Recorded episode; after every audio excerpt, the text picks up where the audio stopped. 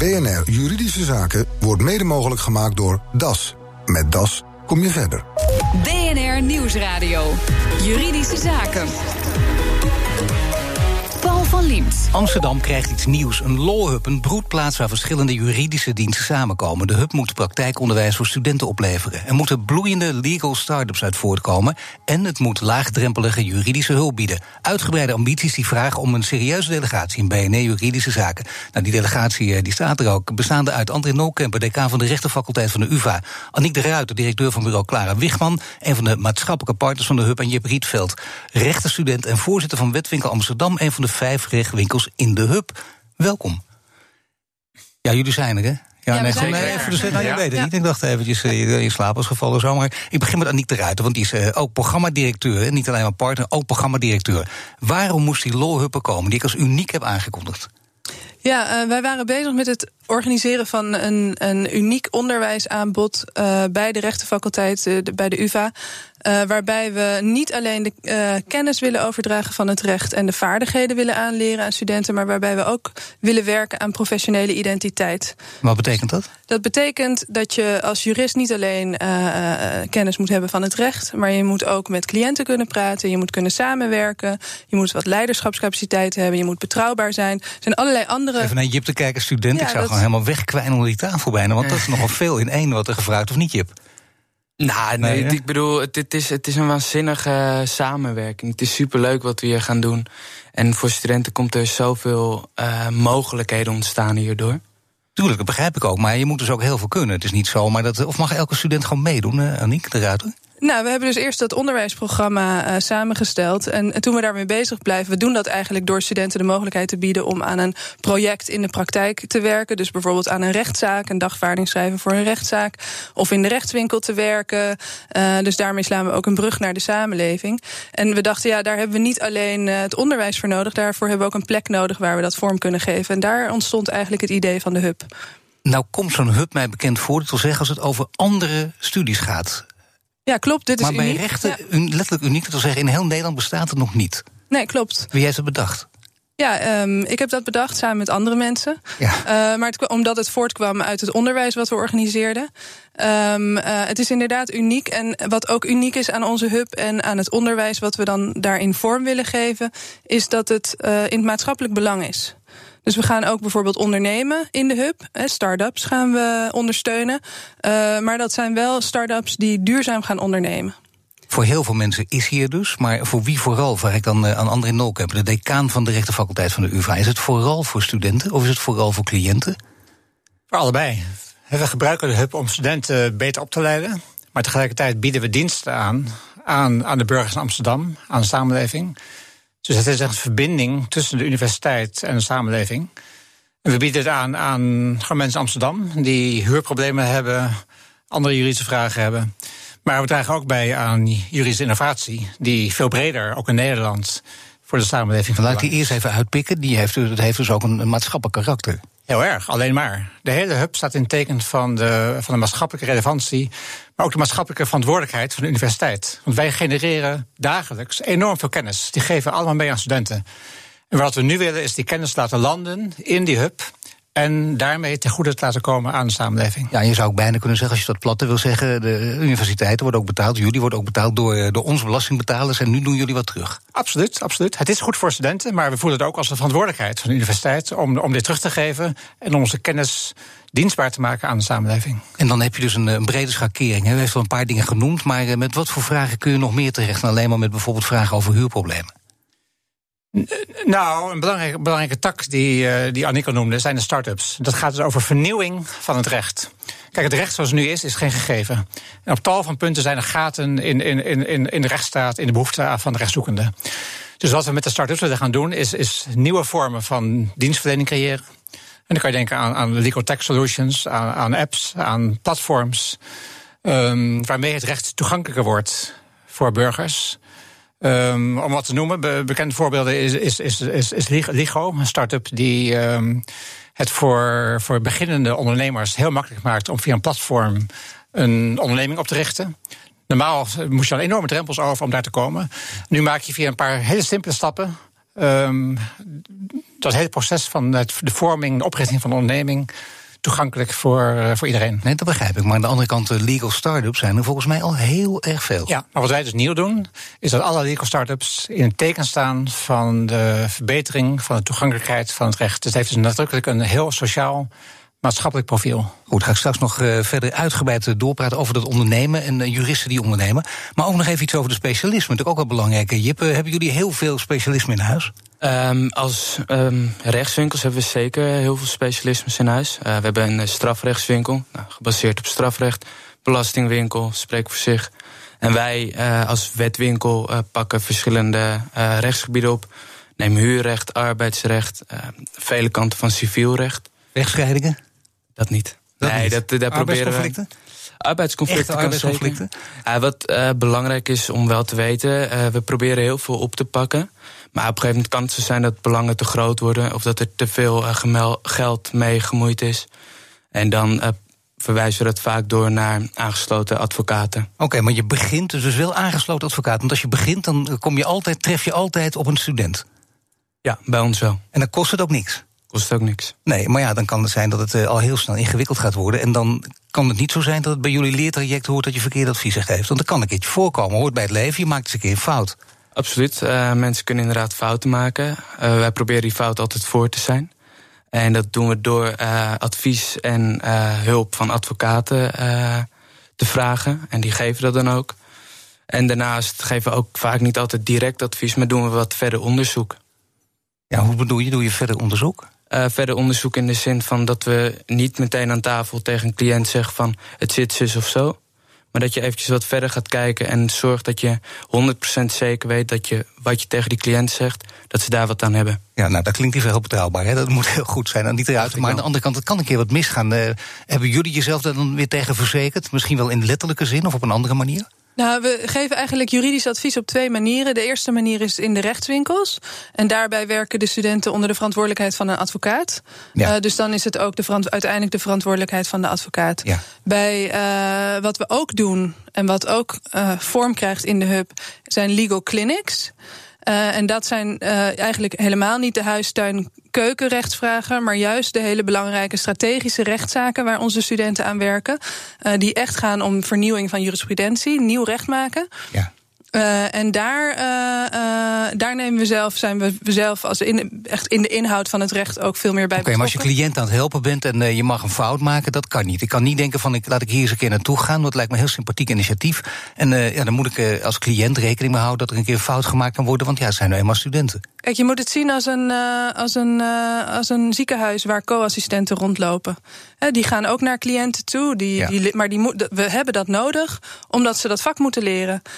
dus het is nodig om de volgende generatie juristen op te leiden, dat we ze de kans geven om op deze manier uh, uh, onderwijs te krijgen. En het maatschappelijk karakter alleen maar, benadrukken jullie alle drie natuurlijk, André Nolkemper. Nog één ding bij dat maatschappelijk karakter. Misschien als je denkt, ik wil advocaat worden, dan uh, heb je ook veel mensen die denken, oh, dan ga ik veel geld verdienen en ga naar de Zuidas. Dat is toch een bepaald beeld dat heerst, nog steeds. Nou, dat is prima. Dat gaat, dat gaat ook blijven gebeuren. Wat wij willen doen is, uh, is met de hub een nieuwe generatie juristen opleiden. Ja. Die ook, als ze aan de Zuidas gaan werken, totaal prima. Maar dan ook oog hebben voor hun maatschappelijke verantwoordelijkheid. Voor een professionele verantwoordelijkheid als jurist.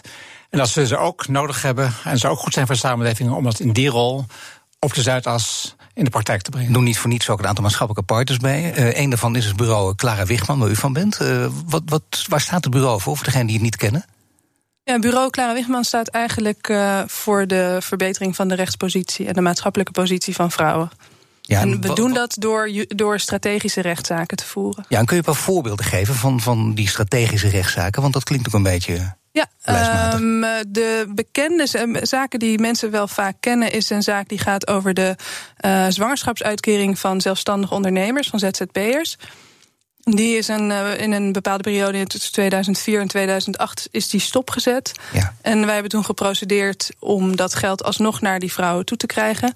En afgelopen jaar uh, hebben we dan uiteindelijk gelijk gekregen na een hele lange rechts, rechtsgang van 14 jaar. Uh, en hebben uh, op dit moment hebben het ging om 20.000 vrouwen die allemaal ongeveer uh, 5.500 euro terugkregen van de overheid. En dat is op dit moment wordt dat uitbetaald. Ja, 14 jaar heeft het geduurd. Er was ja. even tijd voor een feestje wel natuurlijk. Want dan zit je gewoon ja. wat neer ook. Ja, toen hebben we champagne gedronken, inderdaad. Ja, ja. Oké, oh, je begint al te lachen. Ik denk, hey, dat zit er Ja. dus ook aan vast, hè? Ja, Het is zeker. niet alleen maar serieus, maar er mag ook een beetje... Er komt er ook een groot feest eigenlijk, als je zoiets gaat openen. Het is uniek, het is groot, het is leuk ook. Ja, toch wel? Zeker, zeker. De opening is, ehm, nou, is morgen, eh, din- dinsdag. Eh, de burgemeester Halsema opent, opent de hub en daar komt zeker champagne aan te pas. Ook nog. Ja. En de burgemeester mag nog niet drinken onder werktijd. Maar ja, dat maakt niet uit, weet je. Nee, geef je- aan de randen van de dag. randen van de Nee, dag. oh ja, de randen van de dag. Ja, dat mag het wel. Ja, dat schijnt nu wel te mogen, ja. En, de- en de studenten mogen ook drinken, of niet? Of, eh, Eh, als ze ouder zijn dan weten. 18. eh, en jij bent ouder dan in 18, hè? Zeker weten. Nou, hoe oud ben je? 21. Nee, maar niet kwalijk. Hij ziet er gewoon heel jong uit, dus alleen maar een compliment natuurlijk. Straks, mooi die maatschappelijke betrokkenheid. Maar wie gaat dat allemaal betalen? BNR Nieuwsradio. BNR Juridische Zaken. De Amsterdam Law Hub krijgt ook een innovatieve tak. De hub moet legal startups gaan voortbrengen. Mijn gasten vandaag Aniek de Ruiter van bureau Clara Wichman... André Nolkemper, decaan van de rechtenfaculteit van de UvA... en rechtenstudent Jip Rietveld. Ja, wat voor bedrijven gaan het licht zien? Wie van jullie kan mij daar een mooi antwoord op geven? André Nolkemper. Nou, dat is heel spannend. Ehm, Ja. eh, van, vandaag op eh, dinsdag wordt een eerste challenge geopend. De studenten kunnen zich inschrijven op, eh, met, met, met plannen om nieuwe bedrijven te gaan oprichten. Op tal van gebieden: migratie, wonen, werk. Dus we moeten gaan zien wat er voor ideeën komen. Maar als je kijkt naar de start-ups die de afgelopen jaren succesvol zijn geweest, dan zijn er heel veel start-ups bij die juist op dit punt van het versterken van de toegang tot recht een grote bijdrage hebben gegeven. Ja. Het kan dan gaan om, om start-ups die het heel makkelijk maken om in beroep te gaan tegen automatische boetes eh, bij verkeersovertredingen. Ehm start-ups die het mo- mogelijk maken om, om met, met, met vijf korte antwoorden inzicht te krijgen in je kansen als je wordt bedreigd wordt met ontslag. Ehm, er zijn een tal van gebieden die eigenlijk in een voortraject, voordat je normaal bij een advocaat komt, die het burgers mogelijk maken om de eerste sta- stappen te zetten. En maar begrijp ik heel goed. Maar, en, en logisch ook, maar zoals je ziet, eh, daar kunnen jullie ook verder niks aan doen. Maar zoals je bij veel start-ups ook ziet, dan gaat het nog wel goed in het begin. En iedereen is enthousiast en aardig en leuk. Maar vervolgens gaat het om geld verdienen, doorzettingsvermogen, wordt scale-up, wordt groter. Ja. En dat is heel moeilijk. Ja. Er zijn er weinigen die dat voor elkaar krijgen. Hoe worden jullie daarin begeleid? Of, of gaan- zorgt voor begeleiding? Nou, wij, worden begeleid door, eh, door IXA. IXA, dat is een, een coalitie van de gemeente Amsterdam en de kennisinstellingen in Amsterdam. Daar zit heel veel kennis over het begeleiden van start-ups. Die doen het ook op Science Park, op andere plekken in Amsterdam. Dus de studenten die bij ons een goed idee eh, inleveren, die worden helemaal aan de hand genomen. Krijgen bootcamps, krijgen professionele begeleiding. Ja. Hoe maak je een business case en hoe zet je een onderneming op? Zo, tot helemaal afgestoft gewoon dit vak. Hè? Wordt steeds leuker om rechten te studeren, of niet? Absoluut. Dat was al nee, leuk, dat maar het dacht wordt nog, veel- wordt nog, wordt nog veel leuker. Ja, goed. eh, Aniek eruit. Maar hoe zit het eigenlijk met, eh, met dat, letterlijk met dat geld verdienen? Want ondernemerschap voor juristen wordt dus hoe dan ook belangrijker, begrijp ik uit dit verhaal. Maar hoe gaat het dan? Stel dat dit niet gaat lukken, want dat weten we bij veel start-ups. Logisch, het gaat niet altijd lukken. Nee, het leven is vol risico's en zeker ondernemerschap. Dat is een vol belangrijke les, ja zeker. Ja. Ja, dus dat, dat hoort er gewoon bij. En dat Ja. is ook de investering die we dan doen. We, we investeren, dat, dat is ook de investering die IXA doet. We investeren in goede ideeën. En we geven mensen volop de kans. Eh, en dan is het inherent dat het soms niet lukt. Dat hoort erbij. Nee, maar ik bedoel, start-ups eh, natuurlijk, maar die kosten in eerste instantie veel geld. Eh, De rechtwinkels werken ook voor niks. Eh, Hoe gaat de broedplaats eh, zichzelf overeind houden? Ah, zo. Eh, nou ja, er, er zijn natuurlijk huurders. Dus de huurders die, eh, die, eh, die betalen gewoon huur. Maar we zijn zeker ook geïnteresseerd in. in we hebben ook een heel rondje gedaan hè, langs, de, langs de kantoren. We zijn zeker ook geïnteresseerd in mensen die dit verder nog willen ondersteunen. Maar ik wou zeggen, het verdienmodel zo, dat kan natuurlijk, hè, maar dat kan toch niet alleen gebaseerd zijn op de, op de verhuurders? Nee, maar het kan uit. Het is ook iets wat de faculteit mogelijk wil maken. hè. De rechtswinkels hebben al heel lang eh, een, een plaats gehad in de faculteit. Het hoort er gewoon bij. En het is ook gewoon onderwijs wat we daar geven. Dus eh, dat, ja, dat is. eh, eh, omdat het. Ja, maar bovendien, we gaan ervan, we gaan, we gaan ervan, we gaan ervan uit dat, dat, dat, dat, laten we zeggen, 1 op de 10 of maak 1 op de 20 van, van start-ups een product gaan leveren. Dat voor, voor kantoren, voor instellingen, voor rechtsbijstandverzekeraars interessant is. En dan komt er een moment waar, waar, die, waar het voor die kantoren interessant wordt om te gaan investeren in die start-ups. Nou, het lijkt me ook alleen maar extra spannend natuurlijk als je dit doet. Hè? Want er zit er ook een behoorlijke druk op. En is het niet eh, leuk hobbyisme alleen maar uitvoeren. Als jij het hoort, eh, Jip, eh, spreekt jou dit aan? Ik bedoel, en, en merk jij dat overigens ook? Spreekt het jou aan om maar te beginnen? Een start-up? Nou, Of- gewoon ondernemen? Ondernemer? Ja, ja, ik denk dat ik ben zelf, als zeg ik het zelf, eh, wel ondernemend ingesteld. Eh, over een juridische start-up heb ik zelf nog nooit nagedacht. Maar waarom ben je dan ondernemend ingesteld? Waar, waar, hoe uitzicht dat? Ehm, nee, ik denk zelf wat een belangrijke eigenschap van een ondernemer is, is dat je als je een project hebt, dat je daar volle bak voor gaat en eigenlijk niet stopt tot dat gelukt is. en dat is wel een eigenschap die ik bezit. Maar nu, als je dit verhaal hoort, hè, zo makkelijk is het niet. Via start-ups groter gaan worden, zeker niet op dit terrein. En dan toch proberen dat voor elkaar te krijgen. Denk je dat er genoeg ondernemerschap is onder studenten? Uh, ik denk dat uh, studenten dat moeten gaan uh, proberen. Dat ze, tuurlijk, het zal niet altijd lukken. Maar ja, wie niet schiet, scoort ook niet. Kijk eens eventjes, wat een instelling. Hè? Wie schiet scoort ook niet. Nee, precies. Nee, maar goed, we gaan, Johan Cruijff leeft weer. Doen, we, we hebben decennia, decennia lang was rechtsonderwijs ja. gewoon achterover leunen in de collegebanken. We gaan hier gewoon iets totaal nieuws doen. En dan gaan ook vragen dat we een nieuwe generatie studenten gaan creëren... die willen ondernemen, die openstaan voor de kansen... die, die, die je in 2018 als jurist kunt pakken. Mag ik even niet om negatief te doen, maar meer van... Uh, is er een soort, er kan de valkuil zijn dat allemaal misgaat met die start-ups... en dan moet je toch geld tegen de hand hebben. Dan zou je kunnen denken, nou weet ik het, de sponsoring misschien wel. Mag dat, kan dat, behoort het tot de mogelijkheden? Ja, zeker. Sponsoring behoort tot de mogelijkheden. En uh, uh, investeren in ondernemerschap is inherent. Hè? Dus dat hebben we, al, we hebben dat al georganiseerd door de steun van, uh, van IXA. Dus het is, in, in, die zin zijn die, is dat risico is al afgedekt. Nou ja, dat risico is al afgedekt. Dat wil zeggen, je kunt twee, drie jaar vooruit. Zoiets? Ja, precies. Ja. Oh, dat is, nou ja, omdat je dat ook, dat is toch belangrijk, hè? Dat je in ieder geval die zekerheid hebt. Zoveel tijd heb je nodig, juist om ook uh, de ja, ondernemer vaardig te maken. En het idee is natuurlijk dat het uiteindelijk dat er zelfs al, al slaagt uh, 30% of misschien wel minder, uh, dat, dat, dat dat voldoende gaat opleveren om het weer voor de komende drie jaar mogelijk te maken. Zelfs als het minder dan 30% van de start-ups uh, succesvol blijkt. Oh ja, je, je hebt maar één op, 1 op 10 of 1 op 20 nodig die, die een grote ja, stap maakt. En dat geld kan, kan ook terugstromen in de hub. Ja. nou, dat is heel goed natuurlijk. Ja. En uh, de burgemeester eh, die, die doet alleen de opening... of gaat hij ook nog iets uh, beloven aan jullie? Hebben jullie daar afspraken mee gemaakt? Want dit is natuurlijk voor Amsterdam uniek en belangrijk. Zeker, zeker. Er, is, er zijn gesprekken geweest, maar ik denk niet dat het aan mij is om daar om te verklappen wat de burgemeester gaat zeggen. Jawel, jawel, jawel. Het is niet aan mij, maar het is, het is, het is wel aan u, meneer. We gaan, we gaan het horen. Ja, oh, maar dat is in ieder geval mooi nieuws. De gemeente, heeft, de gemeente heeft, is, heeft groot interesse in de hub en vindt het ook belangrijk dat wij wat geven in termen van dienstverlening aan, aan de gemeente Amsterdam en de burger. Kan het vervolgens ook uh, een, een, model worden om het uh, uit het, uh, nou ja, bijvoorbeeld om er geld mee te verdienen door het door te geven aan andere universiteiten in het land? Dat jullie zeggen, kijk, we hebben dit neergezet. We gaan het jullie vertellen. We gaan niet alles voor niks vertellen. Jullie krijgen les van ons hoe je dat moet aanpakken. Nee hoor, nee. Wij vinden het een geweldig idee. En we, we, nodigen, we moedigen iedereen aan in Nederland om het idee te kopiëren. Dat is alleen maar goed voor Nederland en voor de ontwikkeling van, uh, van het recht. Zeker ook, hè, dat je met meerdere maatschappelijke partners samenwerkt. Clara Wichman doet er een eind, zijn er in totaal vijf. Maar uh, zijn jullie, gaan jullie ook met z'n vijven samenwerken dan? Of ieder zijn deel? Nou, wij werken eigenlijk al samen met verschillende van de partijen oh die ook in de hub uh, uh, een plek hebben. Bijvoorbeeld, er is het uh, Public Interest Litigation Project van het Nederlands Juristencomité Mensenrechten. Ja. en die doen ook strategische processen die ze voeren, rechtszaken. En daar werken we ook vaak mee samen. Uh, dus, er zijn, er, zijn, dus er zijn ook andere partijen waar we mee samenwerken. En er vindt ook steeds overleg plaats tussen alle partijen. Om te kijken van zijn er dwarsverbanden of zijn er manieren te vinden om, uh, om uh, iets moois samen op te zetten. Ik denk een beetje op basis van ervaring van verhalen die ik altijd door de jaren heen gehoord heb. Dat het met vijf partners dat het gewoon heel goed kan. Maar dat je er ook niet veel meer moet hebben. Of schrikken jullie daar niet voor terug? Ik bedoel, je moet er wel steeds overleggen met elkaar. Ja, je moet overleggen, maar je hoeft niet per se wat met elkaar. Het is mooi dat het nu kan. En dat is natuurlijk, natuurlijk ja, ruimte. De hub is 500 vierkante meter. Het is een fantastische ja. ruimte. Ik nodig iedereen uit te komen kijken. Maar 500 vierkante meter stelt ook ruimte aan het aantal partners dat we daar kunnen huisvesten. Oh ja, dat zijn er ongeveer, nou misschien, er zijn er nu vijf, er kunnen er nog één of twee bij hoog. Er zijn vijf, maar ook de restwinkels zitten daar. Het is een grote open oh, ja. space waar de start-ups gaan werken. Ja, dat is ook mooi. En het interessante vind ik ook een beetje, onderhuids ligt er ook bij, afstoffen van, van dit vak. Niet alleen maar lui achterover liggen. Want daar heeft u natuurlijk heel veel ervaring mee als, als hoogleraar die ook college geeft aan die studenten. Ja, dat wordt, dat, dat wordt allemaal, allemaal anders. uh, allemaal anders. De, de, de, de, studenten willen ook meer. Studenten willen niet meer alleen maar achteroverleunen, willen actief nee. met recht bezig zijn. Docenten willen het, de samenleving wil het. Dus iedereen, iedereen ja. wil echt dit type bewegingen waar met de hub nu. Mag ik het even bij Jip uh, checken? Je kunt het gewoon vrij uitspreken. Ik sta er tussenin als hij boos wordt. Uh, is het zo dat je echt drie jaar lang echt achterover hebt gelegen? Of niet? Uh, nou, ik niet. maar maar het, het, het, het, gebeurt inderdaad ja. wel. En um, dit is inderdaad een project waarbij mensen. En de studenten weten ook dat ze meer moeten. Dat wordt van ze verwacht. Zeker als je bij de Zuidas wil gaan werken.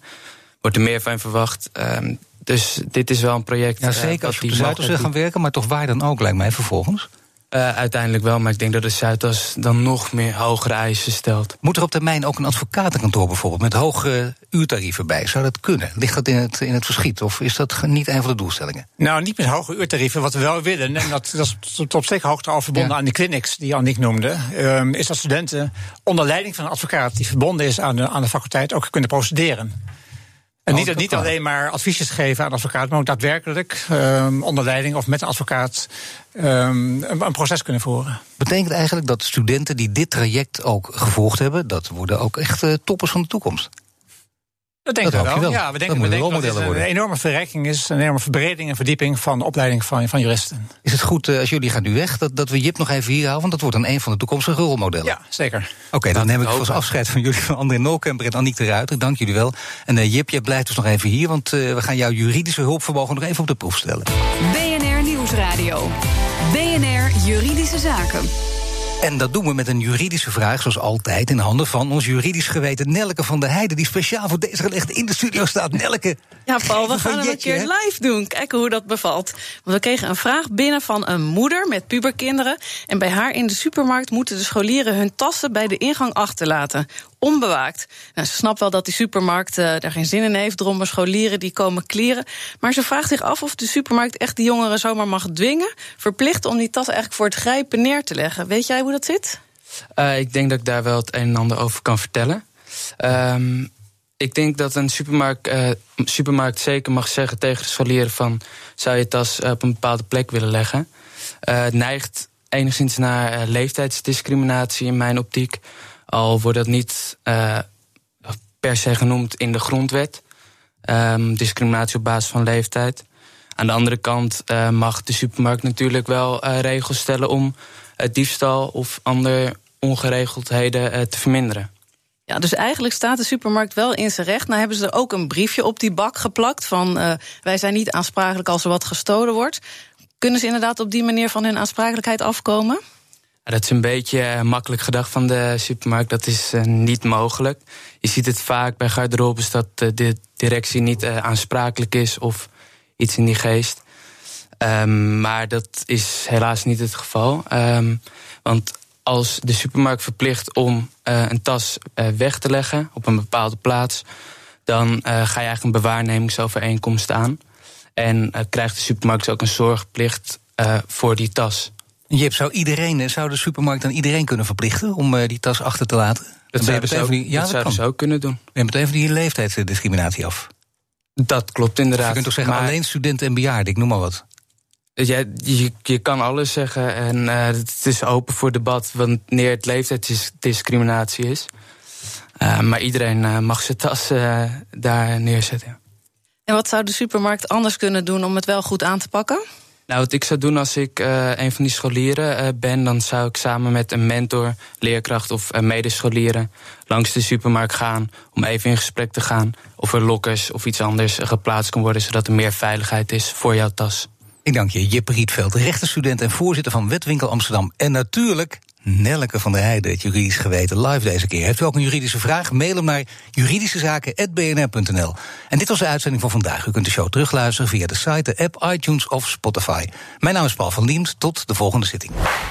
BNR Juridische Zaken wordt mede mogelijk gemaakt door DAS. Met DAS kom je verder.